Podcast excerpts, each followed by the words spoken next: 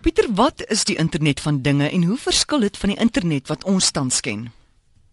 Maar my waarheid sê, daar's al geen verskil nie. Ehm um, die internet protokol, as ons kyk nou hoe die internet ontstaan het, was dit 'n protokol, 'n taal wat geskep is sodat rekenaars en apparate met mekaar kan gesels op 'n sekere manier. En met al hierdie apparate wat mekaar praat, het ons dit die internet begin noem.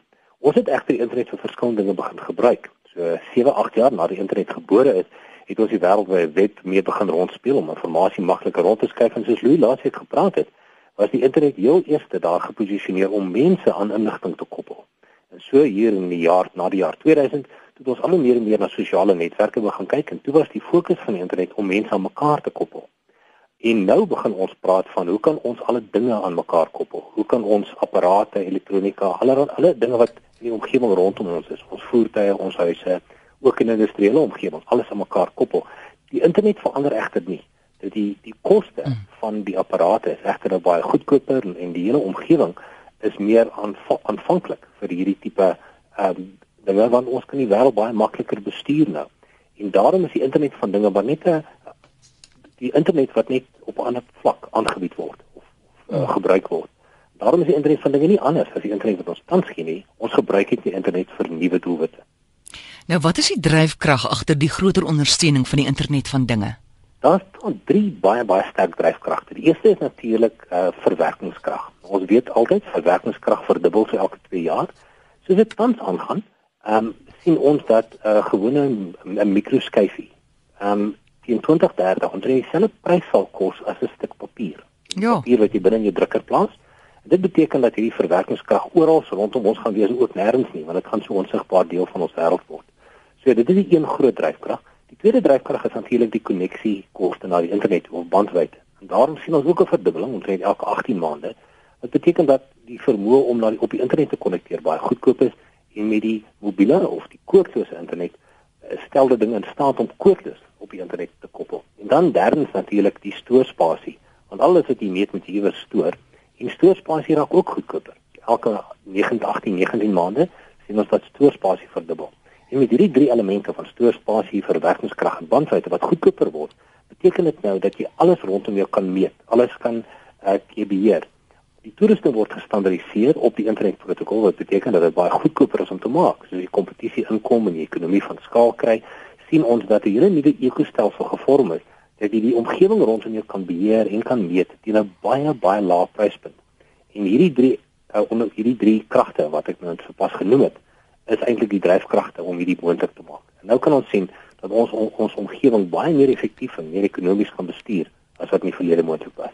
Nou is daar op die internet genoeg spasie vir al hierdie adresse as hierdie uh, apparate so met mekaar praat. O, dis 'n goeie vraag. So, hele paar jaar terug toe die internet uitgekom het, toe het almal gedink as ons 'n paar miljard adresse het, dan gaan dit almal gelang genoeg gelukkig hou. Hmm. En dit is die sogenaamde internetprotokol weergawe version 4 uit vier velde gehad uh, baie keer ehm um, tik ons internetadres in en dan sien jy op die internet uit uit, uit vier adresvelde 192.15.12.21.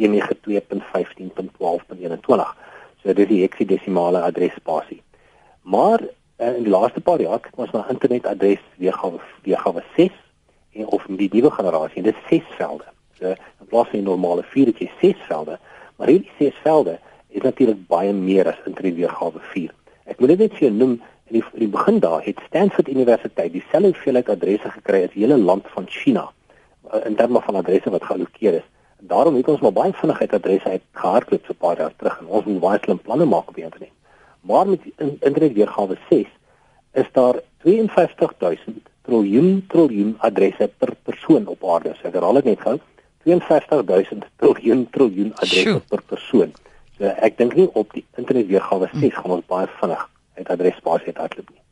Watter industrieë gaan geraak word met hierdie internet van dinge? Maar die, die vraag is eintlik watter industrie gaan nie geraak word nie. In die praktyk sê die mense ons kyk na 'n 1% verbetering van daai industrie jaar op jaar.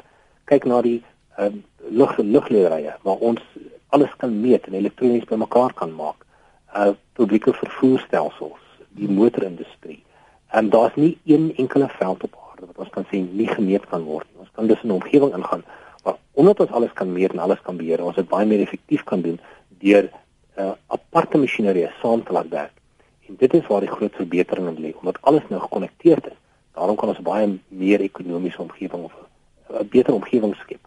En uh, daarom is die vraag eintlik nie watter areas geraak hmm. word nie, ja, die vraag is watter areas gaan nie geraak word. Kom ons vat die motorbedryf. Hoe sal dit geraak word?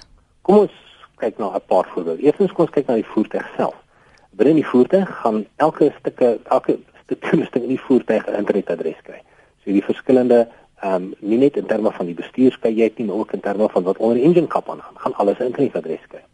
Die, en omdat die verwerkingskrag nou so goedkoper word, kan die kar homself diagnoseer. As hy sien hoe gat, ek gebruik 'n bietjie meer brandstof as normaalweg, dan gaan hy na al sy komponente kyk, kyk of daar een van hulle wat nie so ekonomies as die ander is wat moet wees nie. En dan kan hy outomaties die diensentrum kontak en sê bestel asseblief die volgende paar parte. Hy kommunikeer met jou en sê luister, jy moet asseblief jou kar invat in die diens nie volgende week, watter dag is vir jou beskikbaar? Jy druk 'n knoppie en die afspraak word gemaak. En al die parte word natuurlik ook ehm um, bestel. So dis die, die hele intergekonnekteerde element. Jy kan ook al deesdae alreeds ehm um, apparaat kry op sekere voertuie waar jy die apparaat in die voertuig inkoppel en dan op jou iPhone of op jou slimfoon hmm. kan jy dan uh, diagnostieke program hardloop wat presies vir jou sê wat in jou voertuig aangaan. So hierdie is nie in die toekoms nie op sekere voertuie staan reeds hier. Ons sien ook dat uh, karre al hoe meer meer en meer met mekaar gaan begin kommunikeer. Veral in Europa sien ons dat karre op snelweë in hierdie lang treine kan begin ry, baie naby agter mekaar.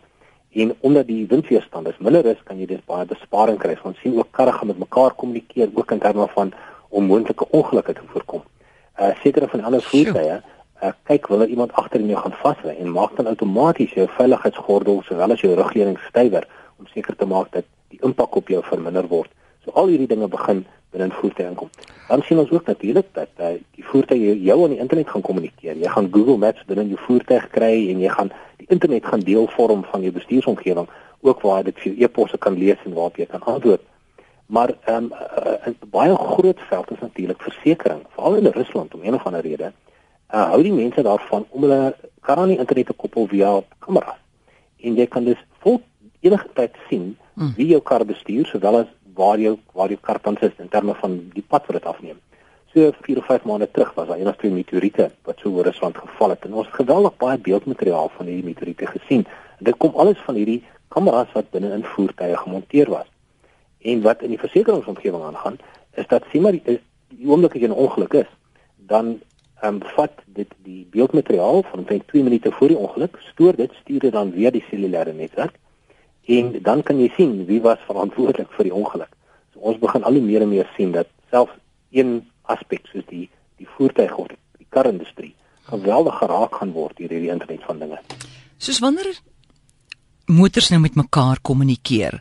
Sal dit sou wees dat ek is op die pad op die N1 hier by Bloemfontein tussen Johannesburg en Bloem en daar kom 'n waarskuwing en sê vir my: "Hey, hier is 'n motor wat van voor af kom en hy oorskry die die spoed op die pad. Wees versigtig." As, as al die voertuie gekoppel is aan die internet, ja, as dit gebeur, dan is definitief die realiteit. Dan sal dit definitief daar wees en, en natuurlik sal ehm um, uh, in so 'n omgewing moet jy die vraag natuurlik vra uh, gaan jy jou persoonlike vryheid uh, opgee. Mm. En daarvoor dat alles wel gemeet kan word. Maar dat dit in die voorsienbare toekoms 'n realiteit kan wees, is seker daar. Ons moet egter sien wat die aanvaarding van mense is daarmee of ons gaan toelaat dat alles wat ons doen gemoniteer gaan word. En nog 'n gesprek vir 'n ander dag. Ja, en nog 'n ander ding Pieter, hierdie storie van dat as ek nou ry as haar as my motor stikkend is, Alles wat deesdae so gerekenariseerd is, dis tog nie so oulik nie, want nou kan ek nie self aan my motor werk nie of sê my motor gaan staan tussen pofadder en jy weet tussen niks en nêrens. Ek kan hom nie vat na die naaste garage toe nie. As hulle gaan begin te werk aan my motor, as alles so gerekenariseerd is, gaan my versekerings ook nie uitbetaal nie. Um ons moet besef dat dit baie makliker nou word want sekere komponente word net vervang en, en om mense op te lei is ook dan nie baie baie moeilik nie. Um, ons sien alreeds dat mense met die Google Glasses of brille dit begin opsit en dan kan iemand vir jou op 'n ander plek in die wêreld sê presies wat jy moet doen om die herstelling te doen. Dit dis natuurlik 'n revolusie wat nog moet kom in ons. Ons is hier, ons is seker nie alreeds daar nie. So ehm um, ek ek dink ons moet nie na die negatiewe kant kyk nie, mm. maar na die positiewe kant. Alternatief as jy regtig bang is daarvoor moet jy maar vir jou 'n 1970 Ford kry en dan kan jy maar met 'n uh, blou draad en 'n tang oor die weg kom. Wie Pieter, wie wat is jou probleem? Jy het altyd 'n antwoord. Uh, my vrou sê dit is nog 'n probleem aan my kant. Ja nee, is 'n probleem. Goed, dis Pieter Geldnys, toekomskundige. Hy's ook verbonde aan die Potchefstroom se besigheidskool en lyk my, ja, hy weet alles van tegnologie. Dankie Pieter, lekker aand. Altyd mooi.